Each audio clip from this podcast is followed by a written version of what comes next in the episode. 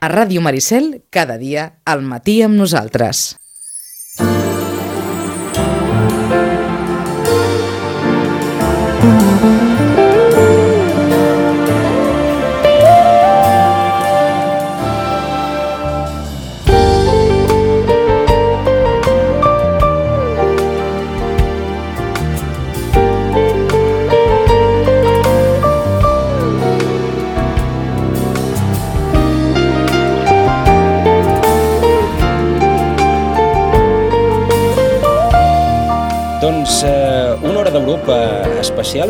d'Europa confinada, la que, la que ens ha tocat eh, fer. Fa dies que, que ho vam parlar amb en, amb en Joaquim Millan, la, la possibilitat de, de retrobar-nos mm, després d'aquesta aturada obligatòria i necessària eh, per, doncs, per motiu del, del Covid-19 i, i bé, i al final doncs això, hem trobat una miqueta el forat i quina millor manera de, doncs, de celebrar aquesta, aquesta trobada eh, que, que recuperar els nostres eh, tertulians de, de capçalera. Avui ho plantegem una mica diferent de com, de com ho fem sempre, no farem trucades, sinó que els tenim tots eh, via videoconferència, si ens aguanta eh, aquest sistema de les, de les conferències que, que ens permetrà doncs, una miqueta intervenir um, opinar, pensar um, i, i pronosticar, en la mesura que sigui possible, uh, tots uh, una miqueta. Uh, més enllà d'en de, Joaquim Millan d'Eurolocal, també tenim, com dèiem, per una banda, uh, el politòleg Albert Balada i per altra el president del Consell Català del Moviment Europeu, uh, l'economista Xavier Ferrer. Uh, D'entrada, Joaquim, bon dia. Molt bon dia, com estem? I saludem també, doncs, perquè avui els tenim tots en línia i, per tant, doncs, gairebé es podran interrompre. Per una banda, Albert Balada. Albert, bon dia. Hola, molt bon dia. I per l'altra, Xavier Ferrer. Xavier, bon dia. Bon dia. Tots a les nostres cases ben confinadets, obedients, com diuen les, eh, les autoritats que ha de ser, per passar eh, aquest drama mm, que, estem, que estem visquent. Eh, D'entrada, Joaquim, això, això sí que no ho havíem vist mai.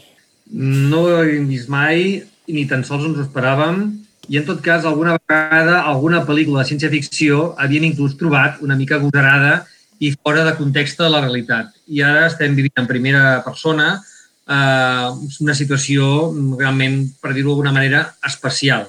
A partir d'aquesta situació eh, especial, eh, Albert i Xavier, eh, a tots dos, mm, probablement ningú tenia plans de contingència pel que ens ha tocat viure, oi?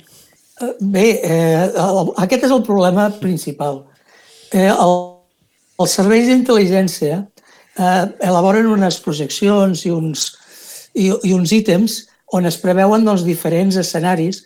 Un d'ells, pels que jo he conegut, i en, en concret en relació amb el Servei d'Intel·ligència espanyol, era el, el, la possible pandèmia. No? Era, era un escenari teòric. No? Clar, quin és el problema?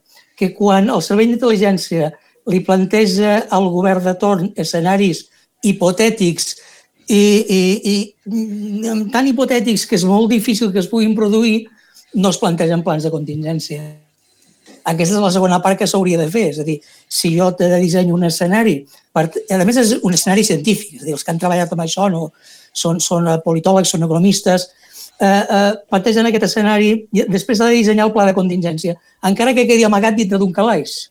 Eh, el problema és que el que està semblant és que tots els països del món que tenen plans d'intel·ligència eh, mínimament solvents, eh, eh aquí potser exclouria Israel, que diguem, els, fins i tot el seu servei d'intel·ligència és el que està fent la compra de les mascaretes i la compra dels materials. Eh, la resta d'estats doncs, han estat una mica la inòpia per això. El pla hi era, disseny, el pla hi era definit, és a dir, possibilitat de pandèmia, eh, no, no és que haguessin, eh, fessin fer la previsió del Covid-19, eh? una, una pandèmia per, per, per algun, alguna qüestió vírica, però el segon pla de contingència no està fet pues, perquè era una cosa tan, tan estranya i tan extraordinària, és perquè hem de fer un pla de contingència per a aquest tipus de coses quan estem acostumats a les guerres convencionals. I aquí és on, on s'ha pillat el, el toro, com es diu vulgarment. Uh -huh. Un toro que eh, queda, queda molt clar, i ara passem a, a en Xavier, que, que, que bé, que com ning ningú tenia previst, doncs ningú ara sap com sortir-se'n de la cornada. Bé, no sé si ho sabem prou, eh? El que sí que està clar que, que s'havia pogut, com han dit, eh, com has explicat molt bé, s'havia pogut preveure però també s'ha d'entendre que, i més en les societats occidentals, que molt competitives, que, que quan hi ha una previsió d'alguna catàstrofe, d'alguna pre previsible crisi, eh, és molt difícil avançar-se a, les, a, a, les, a, a la possible, al possible fet perquè la societat en general i també els governants no estan preparats per fer-ho, no? No s'ho creu, no s'ho acaba de creure ningú. I no s'acabaria de creure ningú que ens haguéssim hagut de posar tots a casa si resulta que no passava res al carrer. Ens hi vam, ho vam entendre més quan realment ja veiem que, que la cosa anava en sèrio. Eh, és probable, esperem, perquè moltes vegades no s'ha produït, que aprenguem d'aquesta experiència i, i si en algun altre moment de les nostres vides torna a passar una cosa similar, sapiguem, sapiguem avançar-ho. És similar, no té res a veure des del punt de vista del fet, una cosa és una crisi sanitària i la que vull comentar, però per paral·lelisme, és la crisi financera, eh, que del 2007 i 2008, que va passar similar. També hi havia analistes i economistes que, que, que parlaven d'una possible crisi, d'una possible eh, bombolla immobiliària, però qui, qui aturava la festa? Mm? I la festa es va aturar quan, quan tothom estava ballant. Aquest és el problema, principalment, de les societats occidentals. A veure si d'aquesta vegada aprenem la lliçó i ens sortim d'aquí reforçats amb una societat més eh, tolerant, eh, més solidària i al final més justa. Uh -huh. uh, a partir d'aquí, mm, teníem una Europa fa dos mesos en crisi, múltiples crisis, i, i només li faltava aquesta. perquè, clar, ara, ara, diguem, com ens en sortim? Clar, podria, podríem agafar el got mig ple i dir, home, si ho fan bé, probablement tothom tornarà a ser molt europeista, però, clar, mm, la capacitat... Si Europa... Si, si permet que faré una, una, una, una petita intervenció. Europa aquest mes està com, com amb un, amb un balancí, no? amunt i avall. No? Si, si mirem fa, fa un mes, no existia. Tota la gestió de la crisi ho feien els estats i, a més a més, descoordinats, a vegades enfrontant-se entre ells, Itàlia comprant material a, a Xina, acceptant, diguem, l'ajuda de Rússia, eh, l'estat espanyol també amb un problema intern de no acceptar la realitat de la sanitat que ja era descentralitzada a les autonomies i, i ho volíem fer centralitzadament i la, les institucions europees no es veien. Ara això ha canviat, entre altres coses perquè els estats jo crec que veuen també, o se'ls fa veure, de que si gestionem la crisi des de l'àmbit europeu hi sortiran guanyant també els propis estats i al final els ciutadans europeus. I ja tenim que el dia 20, eh, la setmana, fa 15 dies, ja va haver aquell acord de 540.000 milions, ara eh, hi ha la reunió que es va fer eh, el dia de Sant Jordi sobre el, del Consell Europeu, ja marca unes pautes d'un possible fons que s'ha d'acabar de treballar a la Comissió Europea i, per tant, una mica des del punt de vista de gestió econòmica de la crisi, la Unió Europea s'ha tornat a posar, les institucions europees s'han tornat a posar al centre. I això és bo des d'un punt de vista europeista i des d'un punt de vista de la societat i dels ciutadans perquè dilueix els, diguem, posicionaments diferents de cada un dels estats. No sé què en penseu vosaltres. Albert. Home, uh, estic, estic d'acord, eh, completament d'acord amb el que no, puc, no pot ser d'altra manera. El, el problema continua sent algo que jo he dit moltes vegades amb, amb aquest programa, no? Clar, uh, pot afrontar la Unió Europea una crisi d'aquestes característiques que és multivectorial, perquè sí, sí, eh, és una qüestió econòmica, evidentment, no? I, i, i és on arribarà l'acord, però, però hi ha molt, molts més factors. És a dir, plantejo un, un, un, una qüestió i tu has introduït, eh, Javier, el, el tema de, eh, per exemple, la compra de, de subministres. No? no és el mateix la compra de subministres per un país com Itàlia, 60 milions, o com Espanya, gairebé 50 milions, a que la compra es fes per la Unió Europea, que són 500 milions d'habitants. No? Eh, això posiciona en el mercat eh, d'una manera, manera completament diferent. Però com que la Unió Europea no té competències en aquesta matèria, és a dir, en matèria de salut, més enllà dels acords eh, que hi ha, dels, dels tractats multilaterals que hi ha, no, Unió Europea, doncs eh, ens, deixa molt, ens deixa molt desemparats. És a dir, eh, estem, estem jugant amb una confederació que no pot fer segons quines coses. Clar, des del punt de vista econòmic sí que té raó, eh, amb el sentit de, bé, ara eh, implementarem aquests fons, sort, sort d'això, sort de que es puguin fer doncs, aquests fons de, de, de, de, gairebé de rescat, però és més de reconstrucció, no? és, com, és com un plan Marshall a l'europea, no? d'alguna manera, perquè a veure, l'estat espanyol se situarà en una, amb una, amb una deuta del 120% del producte interior brut, vull dir, per tant, és una, una autèntica borrada, per tant, s'ha d'agafar a nivell europeu. Però, clar, és cert, la Unió Europea torna a estar, doncs, diguem, co-liderant aquest tema, però per mi, i, i perdoneu-me que insisteixi perquè em repeteixo més que la llioli, no? Eh, I continua faltant a la Europea eh, aquests fils eh, sobre els que no pot intervindre, sobre els que no pot entrar perquè no té aquestes competències i, per tant, no, no ha pogut entrar d'entrada. En molts casos, eh, amb el tema italià, fins i tot amb, amb el tema espanyol, diria que amb el francès i fins i tot amb l'alemany, d'haver-hi pogut entrar com a Unió Europea fent una acció conjunta lo millor hauríem salvat algunes coses. Mm. De fet, de fet eh, eh, lligant amb això que comenta l'Albert, a mi eh, aquests, aquestes setmanes m'hi ha fet pensar una, una qüestió, i és eh, allò que per, quan parlàvem de la crisi dels refugiats, eh, que, que l'Albert moltes vegades ens deia és que, clar, Europa no té la competència sobre això i al final demanem una resposta europea quan al final la competència final és dels estats. Clar, si hi ha, si amb una qüestió que, que pot ser més de referència mm, ja no hi havia competència, sobre una pandèmia ja no, ja no en parlem, que ningú se la plantejava com una necessitat. Eh, competència sobre pandèmies, qui la té? Doncs, evidentment, ni, ningú. I, i això mm, a, a, es pot entendre que ha interferit també en la capacitat de resposta, més enllà de possiblement la, la possibilitat que eh, clar, cada estat, al final, quan, quan veu veure la onada, no pensa que hem d'ir a Europa, sinó pensa salvar els mobles, cadascú. I, i això també, també probablement hi ha, hi ha tingut alguna, alguna cosa a veure, no? Clar, en matèria de salut eh, eh, és evident que hi ha, hi ha tractats europeus que estan, que estan lligats, diguem, eh? El, el, el que va ser el tractat de Maastricht, que és el que ho va arrossegar, després el tractat de Lisboa, eh, tu pots anar amb la teva targeta sanitària europea, diguem, eh, pots anar per tots els estats europeus. Eh, però, clar, és l'única cosa que s'ha fet en matèria de salut, a banda d'alguns tractats menors, no? Eh, dius, no hi pensaven en el tema pandèmia. Home, tots els estats europeus tenien, per allò que us he explicat al principi, aquests informes. Era possible que això passés. Per tant, eh, potser és que a, a vegades, eh, com que no ens hem cregut gaire això de la, de la Federació Europea, jo crec que ningú, eh, doncs bé, bueno, ja, això ja quan, quan es produeixi ja, ja, ja ho farem. Probablement ara, via econòmica, ens veurem obligats a, a, a plantejar-nos moltes d'aquestes qüestions, no? que es poden produir, que s'ha de fer en el marc europeu, fins i tot si som eh, pensadors de, en, clau, en clau mercat. És a dir, només pensant en clau mercat, és a dir, no estic dient que, que jo sigui eh, un mercantilista, però eh, pensar amb 500 milions d'habitants en el món del mercat, ja dic, per comprar mascaretes, no és el mateix que l'opció cadascun dels estats amb tot el que hi ha hagut, ja no cal ni esmentar el que ha pogut passar, no? a nivell espanyol, que tots coneguem, o a nivell italià, o a nivell francès, perquè tots els països han tingut problemes similars. Eh? Cadascú amb el seu estil a l'hora de resoldre'l, però el problema que nosaltres hem conegut a Espanya ha passat. Si aquesta acció es hagués pogut fer a nivell europeu, la qüestió hauria estat, penso, molt diferent i la posició en el mercat hauria sigut molt diferent.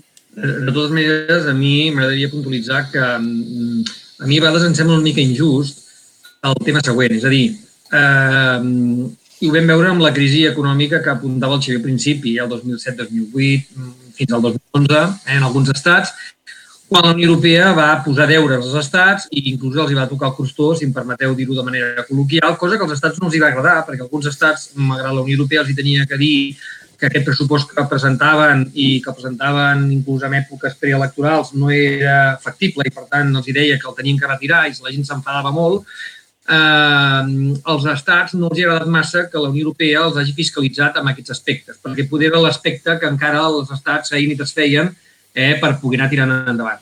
Però quan ara resulta de que mm, aquí ens arriba el confinament a partir de mitjans de març i resulta de que no podem arribar a final de mes, el primer que hem fet és demanar a la Unió Europea eh, que, ens, que ens ajudi. Bàsicament ajudar vol dir mm, aviam quants diners arribaran, eh? perquè, esclar, resulta que no tenim diners per comprar les mascaretes, perquè, és clar, jo com a autònom, que he estat cotitzant tota la meva vida laboral, a mi l'única cosa que m'ha arribat és al cap de 45 dies, m'han dit, m'ha arribat, no, m'han fet anar a una farmàcia a buscar una mascareta. Això és el que jo tinc. No és el mateix que té un alemany, eh, no és el mateix inclús el que té a altres països com pot ser a Holanda, etc. Però aquesta és la nostra realitat. Jo crec que aquesta crisi ha de començar a servir, i aquí acabo, que els polítics, també de la Unió Europea, però també de, de, dels estats, eh, assumeixin la realitat i expliquin la realitat. La gent no és idiota, la gent, si els expliques la veritat, l'assumiran. Ens agradarà més, ens agradarà menys. Però no, et ser, no pot ser que avisant que apaga la música perquè ja no és hora de festa, com deia el Xavier, a nosaltres sempre ens agafen ballant i amb la copa a la mà. I això no pot ser. I, per tant, jo penso que una de les coses que crec que podria ser interessant amb això de la pandèmia sanitària és, per exemple, treballar per una agència de la salut pública europea, hi ha un manifest que en aquests moments ja s'està recollint, entre altres coses perquè possiblement si la Unió Europea hagués dit als estats nois, ja que tenim una mobilitat estupenda, que és fantàstica, però també ara pot ser un problema, tanquem fronteres, tanquem aeroports, etc etc que hauria estat una de les mesures que, per exemple, al cas espanyol, això hauria anat molt bé, perquè aquí ningú volia fer de dolent. I poder, si haguessin dit eh, com èpoques anteriors amb l'economia, això ho diu la Merkel, eh, això ho diu, ens ho diu la van der Leyen, doncs haguéssim tan fet una cosa que era tancar un país totalment turístic, tancar els, els aeroports i, i, i, i d'alguna manera evitar una part del primer problema que vam tenir que vam actuar tan i malament, que això també té efectes a nivell europeu. Eh? Jo me'n recordo d'un amic meu a principis de, de març que va anar a Malta i diu, vaig quedar-me collonit. Vaig arribar a Malta i em van prendre amb una pistoleta em posaven aquí, la temperatura, em van fer rentar les mans, no sé què, em van donar la mascareta a l'aeroport arribant, això a principis de març, no? I jo anava mirant les notícies i no, no, doncs Espanya estem bé, perquè de moment de tot això no tenim res als aeroports, no? Eh, què vull dir amb això? Que crec que no es tracta d'una crítica, sinó es tracta de que hem d'aprendre. Hem d'aprendre. I, I a vegades ens costa a nosaltres per caràcter. Acabo. Aquest cap de setmana, eh, per primera vegada, hem, hem obert una mica eh, a la gent que pogués sortir hi ha gent que ha complert, però també és veritat que hi ha una part de gent, podem més dels que ens pensàvem, que no han complert. Avui els criteris estan tots emprenyats. I diuen, no ens aplaudiu, a més ja. O sigui, el que es demanem és que, ja que estem nosaltres una mica complint, vosaltres intenteu complir les regles de joc. Sé que és una mica dur, però poder hem de començar a parlar de manera més realista si volem realment solucionar-ho aquí a nivell europeu. Xavier. Sí, sí. No, no, és, eh, estic d'acord i de fet això, aquesta manera de ser una mica diferent nord i sud és el que pels del nord eh, és difícil d'entendre, no? I, i eh, si ho passem en l'àmbit en l'àmbit econòmic, eh, aquesta proposta, que és una bona notícia de la setmana passada del Consell Europeu, en, en el qual s'obre un espai eh, per arribar a un acord econòmic que pugui servir a tothom, eh, i aquest acord el fan fer, el que l'ha d'elaborar és la Comissió Europea i hauria de tenir les bases el 6 de maig. Eh, clar, el, els problemes que hi haurà per obtenir aquest acord són els mateixos de, de fa un mes i si tirem enrere de fa 10 anys, que hi ha una, una Europa nòrdica, eh, nòrdica o cent, del centre i del nord, és veritat que més econòmicament més cohesionada i més ben estructurada, però també més rigorosa i que li costa molt entendre que després de diferents, de diferents anys eh, d'ajuts de, de, com fons estructurals i altres fons en els països del sud, doncs eh, acabin de passar els anys. Hem de tenir en compte que l'estat espanyol va rebre durant 20 anys pràcticament, diguem, regalat per, per la cohesió interna de la Unió Europea del pressupost europeu un 1% del PIB espanyol. Això és molt i vam decidir fer coses que potser no van anar directament amb l'objectiu de, que havien d'anar, que era l'economia productiva, i es van fer aves i es van fer diferents... diferents Ara tampoc es tracta de treure tot el que... Però, bueno, a partir d'aquí fa que la imatge, amb la crisi del 2008, que, que, que ja es va haver d'ajudar i rescatar països bàsicament del sud i, o, o en l'Estat doncs, el, el sistema bancari que ha sorprès en, el, en, a, en els Països Baixos, Alemanya, Àustria, que 10 anys després, amb aquesta sobtada crisi, que és veritat que, que ningú té la culpa, però sí que una mica de previsió s'hagués pogut fer, doncs eh, els països del sud estan igual, financerament parlant, i s'ha donat el cas, com va passar a l'estat espanyol, de que resulta que no, no podien funcionar 15 dies. Eh? En 15 dies, si no es feien mesures dels ERTOs o, o d'ajuts i tal, no, no, no aguantaven. Això és el que costa entendre del nord. I és aquí, allà on iria, per a veure, a veure com, com, es pot, com es pot arribar a cohesionar aquests 27 estats eh, amb un acord econòmic que, per altra part, tots saben que és necessari, perquè els alemanys, encara que ara els hi han dit que no aquest any, però els agrada venir de vacances aquí i a Itàlia i els agrada vendre els productes o les seves empreses, en part, exporten, eh, que ja no és exportació com a tal, però venen a, l'estat espanyol i a Itàlia. Per tant, a Alemanya en si o als Països Baixos no li interessa, que també els agrada molt els, els holandesos venir aquí, no els interessa que, que aquí es vagi malament. S'ha d'arribar a un acord que no seran eurobons, que és el que es volia, ni serà deuda perpètua, perquè això és, diguem, com si ens regalessin diners, i serà un acord que no acabarà d'agradar a ningú, però no desagradarà, i així eh, funciona la Unió Europea. Però la llàstima és que ja des de l'euro, bàsicament, s'hauria d'haver anat cohesionant des del punt de vista econòmic tot el, tot el, el territori de lo que és la Unió Europea i no s'acaba d'aconseguir. Les regions pobres de fa uns anys segueixen sent les pobres d'ara, no?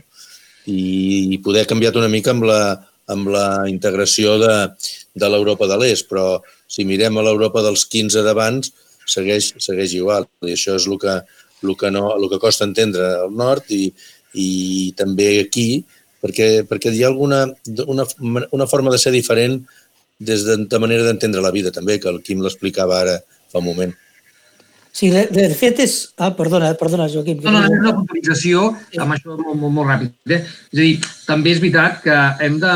També estem en una època on l'empatia, l'engagement, el llenguatge és important. No pots anar a una reunió a demanar diners parlant de deute perpètua. Clar. és que l'altre no te donarà ni un duro, és que, és que és normal. I després no pots tornar aquí i tildar que tots són uns insolidaris. Home, hem de ser una mica més llestos. Hem de també demostrar que nosaltres, a part de que tinguem una deuta, bueno, fem un esforç. És a dir, el que no es pot dir és anar allà deute perpètua i si no tornar aquí, bueno, és que són uns insolidaris. Jo crec que aquí hem de també començar a aprendre no només a nivell institucional, sinó també empresarial, inclús social, a que també entrem en una nova època, que és una nova època de les emocions, del llenguatge, de l'engagement, d'entendre l'altre i, i que t'entenguin a tu, no? No sé, ho deixo aquí. Eh? Albert, tu volies dir alguna cosa, no? Sí, jo, jo és que estic eh, d'acord amb vosaltres dos. Eh, de fet, hi ha una, una, una ratlla, hi ha una línia que jo la situaria de, de la meitat de França cap amunt. Eh, la cultura calvinista i luterana eh, és molt diferent de, de la cultura judeocristiana, diguem, d'aquesta línia cap a baix, no? Diguem, la visió, la visió de les coses. Ho deia el Xavier, eh, bueno, no ho ha dit ell, ho dic jo ara, però és el que ell apuntava. El 1986 ingressem a les comunitats econòmiques europees i es desmantella eh, eh, l'Institut d'Indústria que hi havia llavors, no? Bueno, perquè era una obligació, era un imperatiu de, la, de, de les comunitats europees, però a canvi se'ns dona aquesta injecció de milers de milions d'euros que servien doncs, una mica per, per treure el que era la despesa suntuària de l'Estat i en canvi això el que es va fer retallades en sanitat i retallades en ensenyament, retallades en això, però no amb la despesa suntuària de l'Estat o, o diguem, a veure, perquè ens entenguem, uh, un dels països que inverteix més en defensa és l'estat espanyol. Clar, dius, no, no s'entén pas gaire això, no? Eh? no uh, proporcionalment dintre de les, la inversió de la, a l'Estat, la, la, la proporció no s'entén gaire, no? I suposo que al, al final Europa, doncs, eh, els països del nord diuen, bueno, potser, potser que ja està bé, no? I ens, segurament ens servirà això per aprendre una mica, no? Clar, llavors anem nosaltres a demanar la deuta perpètua, que no, no, no, ho hem fet molt malament, tots en tenim la culpa, perquè a tots ens ha anat bé que féssim aves, que féssim coses i tal, però haurien d'haver estat una mica més sincers tot plegats. No? Dic, eh, nosaltres no podem funcionar així, eh, portem 20 anys de decalatge entre França, Alemanya, els països nòrdics, per tant, anem, anem a buscar anar-nos aproximant, però no anar-nos aproximant amb aves i anar-nos aproximant doncs, amb, amb grans despeses suntuàries, sinó amb, mica en mica amb el que ells van fer. És a dir, no oblidem que molts, molts dels països del nord eren països pobríssims, entre la Primera i la Segona Guerra Mundial. Eren pobríssims. Eren les urdes espanyoles, no? I, i mira on estan ara, eh, aquests països, doncs, bueno, perquè, perquè han sigut eh, bueno, calvinistes, luterans, eh, la cultura de l'estalvi, la cultura de la, de la no despesa suntuària, I aquí, com que som de cultura de carrer i cultura de festa i cultura de vermut, doncs ens ha passat el que ens ha passat. A vegades les coses han de passar o, o serveixen perquè a, a, porti una cosa bona i millor penso que tot el dolent que ens porta això, perquè tenim morts eh, a vegades propers, perquè tenim molta gent infectada, però millor ens serveix per aprendre que s'han de fer d'una vegada per totes les coses bé després de 35-40 anys. No? El que, eh, el que probablement plantejaríem és que mm, veiem que més o menys tots tres esteu d'acord que alguna cosa haurà de canviar d'ara endavant, perquè és que si no, no s'aguanta. Eh, fins a quin eh, punt l'estructura de l'Estat, l'Estat espanyol, que ja sabem com és, que, com canvia o com es mou o com és un elefant enorme dintre d'una habitació molt petita, eh, és capaç d'assumir aquesta necessitat de canvi que li vindrà imposada fins, doncs això, per, per, per la solució que arribi, que ja ens ha, ja ha quedat clar que si ve l'helicòpter, l'helicòpter vindrà amb alguna condició i, i per tant, doncs, eh, d'una manera o d'una altra s'haurà d'establir de, un, eh, una condició de retorn de, de l'ajuda que, pugui, que pugui arribar. Com es podrà adaptar una, una estructura tan, tan ferma, perquè indubtablement s'equivoqui o no s'equivoqui, és una estructura ferma com la de l'estat espanyol. A veure. Ah, jo, jo crec que l'estat espanyol tindrà un problema fonamental perquè la, la crisi del Covid-19 no ve sola. Um, diguem, és, és una crisi oportuna o oportunista, uh, no, no vull ser conspiranoide ara, eh?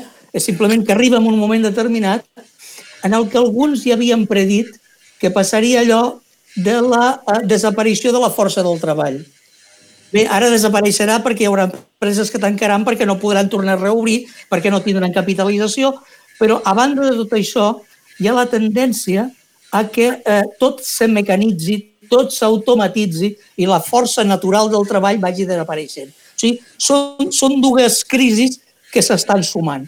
Um, per posar un exemple, el que passa a Nissan, les converses amb Nissan a Barcelona, no tenen que veure amb el Covid. Tenen que veure amb si Nissan pot continuar treballant amb factor d'obra manual o, o ha de treballar amb eh, robots que no cal que estiguin a Barcelona, que poden estar a qualsevol altre lloc d'Europa, perquè ara ja no parlem ni de deslocalitzacions, no? I a més un, un robot d'aquests fa la feina de 200 persones, no? Aquest és el problema que s'ha posat en evidència diria, home, gràcies, potser no, però gràcies al, al Covid-19, Espanya té aquestes dues crisis. No està preparat per aquesta crisi que ve, que s'havia anunciat per experts, per activa i per passiva, i no està preparat per la, per la crisi que estem tenint en aquest moment sanitària. I tindrà la tercera crisi, que és la crisi del retorn de la deuta que generarà aquest pla de recuperació o aquest pla de dieu-li com, com vulgueu. Però torno a la part positiva tres crisis que a lo millor no li quedarà més remei a l'estat mastodòntic espanyol que acceptar que ha de canviar la seva manera de fer. No, no estic parlant de política, estic parlant de sociologia. Eh? O sigui, canviar la manera de veure, la manera d'estar de, de, de, en el món. No? Eh, si recordeu els discursos, ara ens hem allargo molt, però ja, ja, ja tallo, eh? El, els discursos que s'han vingut fent aquests dies, eh, els discursos eren patriòtics. No, no, o sigui, s'havia de vèncer el virus perquè som espanyoles. Eh? Ara estic exagerant, però si agafeu tots els discursos de tots els ministres, de tots els líders polítics, era això. Clar, això no toca ja. O sigui, eh, cal parlar d'una altra manera. Doncs aquest llenguatge arcaic està també a la manera de fer les coses. I aquí tallo, perquè si no co cooptaria tota la conversa. Xavier. Sí, però això, això, això canviarà, canviarà molt, costarà molt que es canviïn a l'Estat. Eh, I perquè el missatge que, que s'està donant des d'un partit suposadament progressista i, a més a més, en el qual, que això ens sorprèn també, que amb una coalició amb Podemos, que està calladíssim Podemos, no, no, no fan cap autocrítica. I aquest patriotisme, aquesta, aquesta manera de vendre la crisi amb, amb els tres militars, tal, que, que, és, que és, un, és conceptual, però, però és visual, això, no? O sigui, senyors, feu-me cas perquè, mira, hi ha aquí les forces eh, i, i tal. bueno, això, val, podem fer cas per salvar la situació puntual. I després què? No, després iré a buscar diners a Europa. bueno, i a dintre què farem? eh, perquè encara s'està dient, i a més hauria d'anar per aquí, de reestructurar la sanitat, de que tingui més capacitat, de que no hi hagi retallades, tot això em sembla perfecte, però els números han de, han de quadrar. I si no es té un bon acord de, de, de, de, de l'àmbit europeu i que s'entengui, eh, doncs serà difícil que, que, que puguem gestionar, perquè també en un moment fins i tot es va insinuar eh, en l'inici d'aquesta crisi de que si Europa no, no s'adapta a les nostres necessitats, les, doncs, doncs, per què ens serveix, no? Marxem. Bueno, l'estat espanyol fora d'Europa ja veuríem com funcionaria, no?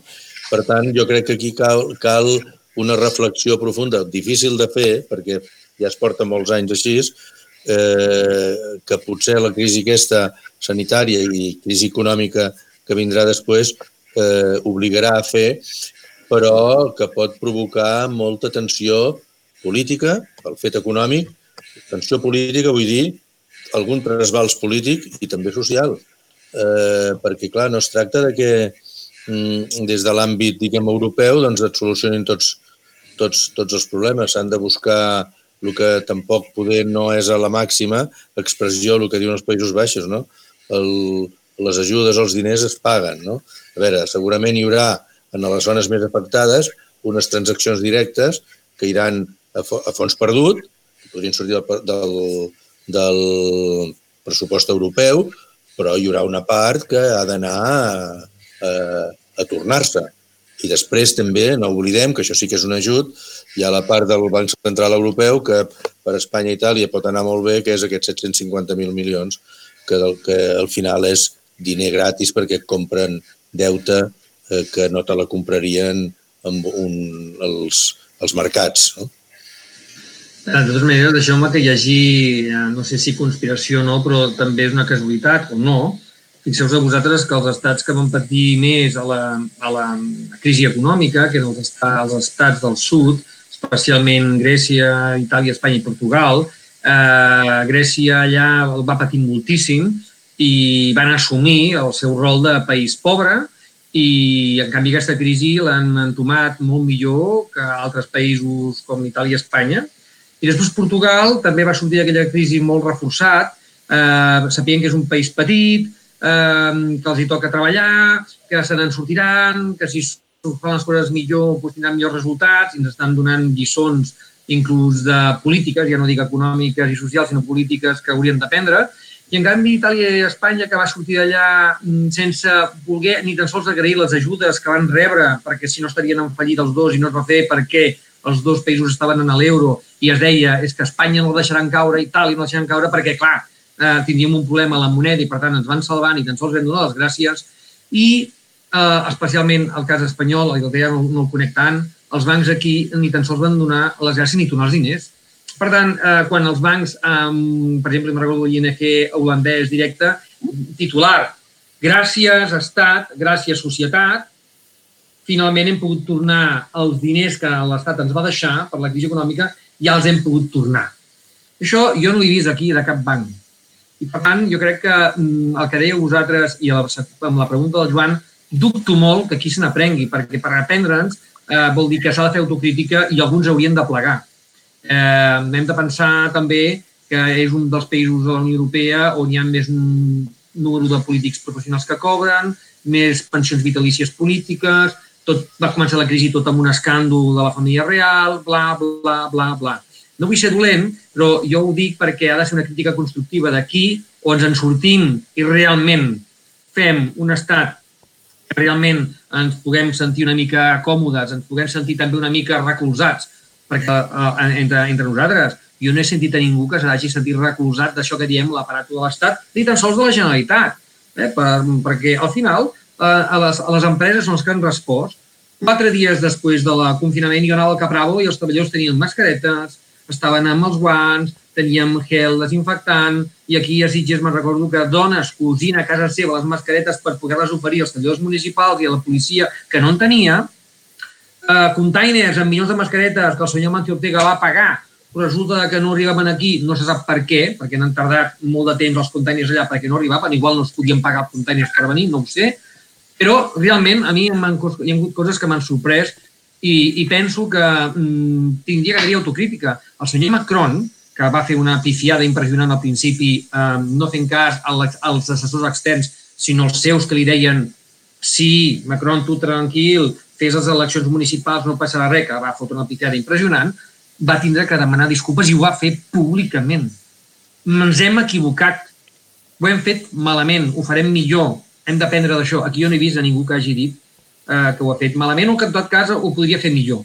Jo penso que és qüestió de caràcter, però si alguna cosa ha de sortir d'aquí, m'agradaria que fos positiva i o hi ha un canvi social, eh, amb aquestes crisis que tu deies, també generen oportunitats. T'has deixat una quarta crisi, hi ha la crisi sanitària, financera, econòmica, com deia el Xavier, social i després la institucional. Eh? Aquesta com no, sí, sí. aquesta com no respongui o resolgui eh, la pregunta que feia el Joan ens la faci dintre un any. Hi ha, hi ha un perill, en perill, en perill a, a nivell d'estat espanyol que, que em sorprèn una mica que es veu una... I també es veu a fora, no? La, la, no aquest tipus de crisis ho, ho porten, això, però aquí jo crec que d'una manera que no, que no, no caldria, no? Aquest, aquest centralisme, no? Aquest centralisme tan clara amb la desescalada. Jo puc entendre doncs, un moment de l'estat d'alarma per, per solucionar un tema, de, i, i central, però ara que es descentralitza i que s'està d'acord amb que d'alguna forma es faci territorialitzat, doncs, doncs torna a la posició inicial, que és que les comunitats autònomes ja gestionaven la seva pròpia sanitat. I no volen deixar això. Això fa pensar, i els missatges que arriben és com si es volgués una mica mm, seguir en el temps. I, I si es va per aquesta via, hi haurà una tensió territorial segura, assegurada. I és, una, és un, un factor afegit que es podria haver estalviat. Bueno, a, aquesta és una de les qüestions eh, importants i, i, i o, potser el, el, el Joaquim en sabrà més, perquè és el jurista de la taula, diguem, no? Eh, L'estat d'alarma, des del meu punt de vista, des del meu humil punt de vista, és il·legal perquè està fent, està fent mesures de l'estat d'excepció aplicades a través de l'estat d'alarma. O sigui, tot el que ha estat fent no pot ser. O sigui, l'estat d'alarma no ens pot confinar. L'estat d'alarma no pot prendre competències. L'estat d'alarma no pot fer, no pot introduir les forces armades a fer el que han fet. És a dir, eh, eh, eh mm, seguint una mica l'argument del, del Javier, estem en un país en què s'inventen les coses. Se les inventen. És, bueno, agafem les, a tots els, eh, els sistemes més o menys són similars a tots els estats europeus i tots fixeu que parlen d'estat d'emergència. Menys Rússia, que no han aplicat cap, però la, la resta, diguem, són estats d'emergència. Nosaltres aquí diem no, l'estat d'alarma, és cert que l'estat d'alarma et parla d'epidèmies, però no et permet prendre les mesures que ha pres. És a dir, era, eh, ara semblarà que jo sigui un, un nacionalista, diguem això, no ho soc, eh, però és a dir, és com un 155 aplicado a la pandèmia, no? Eh, no, no, no, no senyors, no va així, aquí tocava, si voleu fer el que heu fet, l'estat d'excepció. I tot i així, si sigui l'argumentari del Javier, tot i així, com que som un estat unitari però descentralitzat, és dir, la, la competència l'ha d'aplicar aquell que la tingui. Per tant, no, no, pots, no pots dir constantment de dir esto és, és perquè nosaltres ho diem i això s'ha de fer així, no? I després a la tarda negar el que havies dit al matí i anar fent aquest tema. Som un estat unitari descentralitzat i, per tant, funciona d'aquesta manera, i si no, canvia la Constitució. Funciona d'aquesta manera. Però, a banda, és el que us dic, l'estat d'alarma no pot fer tot el que ha fet. Per tant, Espanya és, eh, és un país raret, perdoneu-me. Eh. No, no. Deu haver probablement una qüestió de, de, de genètica del poder, aquí. Eh... Bueno, no... i, i, i jo, jo crec que també hi ha una mica de, de, de posicionament de cara al futur. Vull dir, aquesta, aquesta situació no és còmoda pels polítics i per la societat i, per tant, eh, de lo que es vagi fent se'n pot sortir més o menys reforçat i, i potser des de l'àmbit del poder de Madrid eh, es veu més una possibilitat de, de centralitzar-ho, no? però jo crec que, que no és la, la, la millor opció perquè, perquè aquest tipus de crisi, a més a més la sanitat ja estava centralitzada, es, es, es gestionen més bé des de la proximitat. Coordinant, val. També parlaven de la coordinació europea, però al final la gestió és, ha de ser propera a la, a la ciutadania. El famós principi de subsidiarietat. Que... Sí, ha desaparegut de cop. Ha Però és desaparegut que- de cop. subsidiarietat. Lícing. Però és que en aquest cas és que és una qüestió legal. O sigui, és que les competències les tenen les comunitats autònomes. Vull dir, per tant, Correcte. a veure, fa, faig un matís que s'ha oblidat molt. És dir, clar, el problema de tot aquest ens neix en aquest país quan en aquest país es fan les lleis de bases. És dir, recordeu quan el Tribunal Constitucional es va carregar allò de les lleis d'harmonització del procés autonòmic, doncs llavors Mhm. es van inventar les lleis de bases i, clar, les lleis de bases eh, fan que tot estigui centralitzat. És a dir, sempre hi ha d'haver un decret de l'Estat que reguli l'ensenyament. En aquest cas, doncs, eh, quan se faran, eh, com se faran els acabaments de curs, quan se farà la selectivitat. Decret de l'Estat que després ratifiquen els decrets subsegüents de les comunitats autònomes. Clar, això ha fet que aquest estat espanyol unitari, descentralitzat, estat de les autonomies, doncs, home, sigui una mica un pastitxe, en el que tots hi hem contribuït d'alguna manera perquè hem callat. Però ja dic, des de l'any 1986, ingrés a les comunitats europees, i és quan hi ha la primera llei de bases, que és la llei de bases de règim local, aquí és com s'ha començat a desmantellar l'estat de les autonomies. I ara això que està passant ho està ratificant. Ells se creuen que l'han desmantellat del tot i te col·loco l'estat d'alarma sap greu perquè eh, eh, sembla que estigui defensant les postures de Vox, que és el que està presentant recursos al Constitucional, que està presentant demandes, però és que els estan posant, perdoneu l'expressió, a huevo. És a dir, per què? Perquè mm, s'ha fet molt malament i les comunitats autònomes, com que tenen que rebre diners de transferències, doncs no han presentat cap recurs, però és perquè presentin recursos al Constitucional per lo que els hi han fet. La veritat sigui dita. Escolteu, tenim, ens queden menys de 5 minuts i m'agradaria com a mínim fer un petit apunt sobre, eh, ja que l'espai és de l'hora d'Europa, al final ens hem, ens hem centrat molt en, en la gestió interna, però eh, sobre el que està suposant aquesta crisi també de, de posicionament d'Europa eh, com a entitat territorial en el món. Eh, això va néixer a la Xina, eh, va arribar a Europa com el primer focus important fora d'alguns països eh, asiàtics, després es va exportar als Estats Units amb una, amb una resposta també molt peculiar de la seva administració i ara està arribant també amb molta força a Amèrica del Sud. Um, I també arriba a Rússia, que també té una resposta més peculiar probablement encara que la dels americans. Um, quin paper, en quin paper queda Europa a partir d'aquestes respostes que, que en, majoritàriament es poden definir com a, com a poc ortodoxes en, en general per, per, donar, per donar això sortida a una situació sanitària global com la que, com la que hem viscut. Res, ens queda poc, eh? però com a mínim m'agradaria que, que féssiu un apunt de, Jo, de- d'Europa cap a fora. jo, jo, jo, jo, jo, jo faig una- faré una, una reflexió molt curta. Amb un món globalitzat com aquest, que hi ha àrees tan grans com la Xina o la Índia o els Estats Units, no tan gran però poderosa, poderosa també, i Amèrica Llatina, eh, i Rússia, la Unió Europea, o sigui, els estats de la Unió Europea eh, han de tenir clar, jo crec que ja ho tenen clar, el que passa que els hi costa, que no poden anar sols.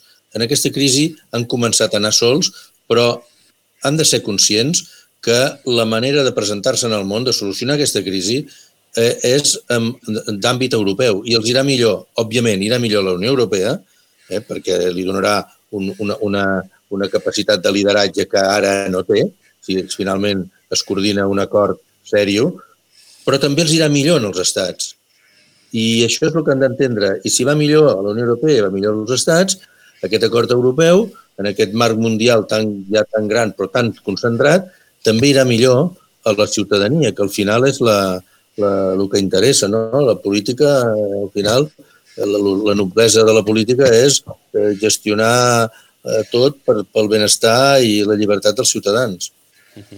Eh, Completament d'acord. I- i És el que jo plantejava amb el tema mm, com anecdòtic de la compra de les mascaretes. No, no és el mateix comprar mascaretes per 500 milions de persones que comprar mascaretes per 40 milions que a més t'enganyen. No? En aquest cas, la teva posició de mercat és molt sòlida. Però és que a banda del mercat, i coincideixo amb el Xavier, no pot ser d'altra manera, eh, eh, la, la posició eh, europea conjunta eh, eh, te situa en un marc, diguem, regional, el concepte regional geopolític, no? important. Mentre que si no és així, eh, no és la mateix la posició d'Espanya, de França, d'Alemanya, d'Itàlia, que la posició europea enmig dels dos grans blocs, dels dos grans blocs, no? enmig dels Estats Units i enmig dels BRICS, la, la, el, el, el potent potencial europeu que té que, que sembla que s'havia paivagat durant tot aquest temps. A lo millor la crisi aquesta serveix per alguna cosa més. Beneïda sigui doncs, aquesta crisi si ens serveix per això. Uh -huh. Bé, jo per últim puntualitzar, que ja ho he dit abans, ho he destacat, jo crec que en aquesta crisi no hi ha hagut una posició europea i poder una de les solucions seria una, aquesta agència de salut pública europea que pogués coordinar i tingués una posició europea per recollir les compres que deia l'Albert, la posició també d'una veu, en aquest cas sanitària europea, eh, d'alguna manera coordinada, que deia el Xavier. Jo penso que aquesta seria una bona solució perquè aquesta és la primera pandèmia, però tots també sabem que no serà l'última, possiblement tardarem uns quants anys més, esperem uns quants, llargs, però que pot ser que torni a passar una cosa d'aquest tipus i, per tant, estiguem preparats. Mhm. -huh.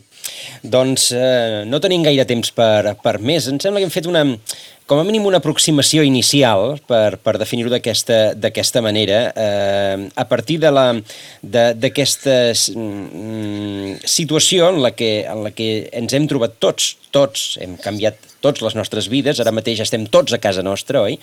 Eh, fent, fent aquest espai, però també els estats que s'han trobat en una situació que tampoc havien previst i, com hem dit al principi, probablement ni tan sols planificat en la majoria dels, dels casos. Eh, tindrem temps, suposem, de, de continuar-ne parlant. No sé, no sé si farem més hores d'Europa confinades, però, però a veure, si no podem recuperar la programació normal, probablement doncs, eh, alguna, alguna que altra haurem de, haurem de fer.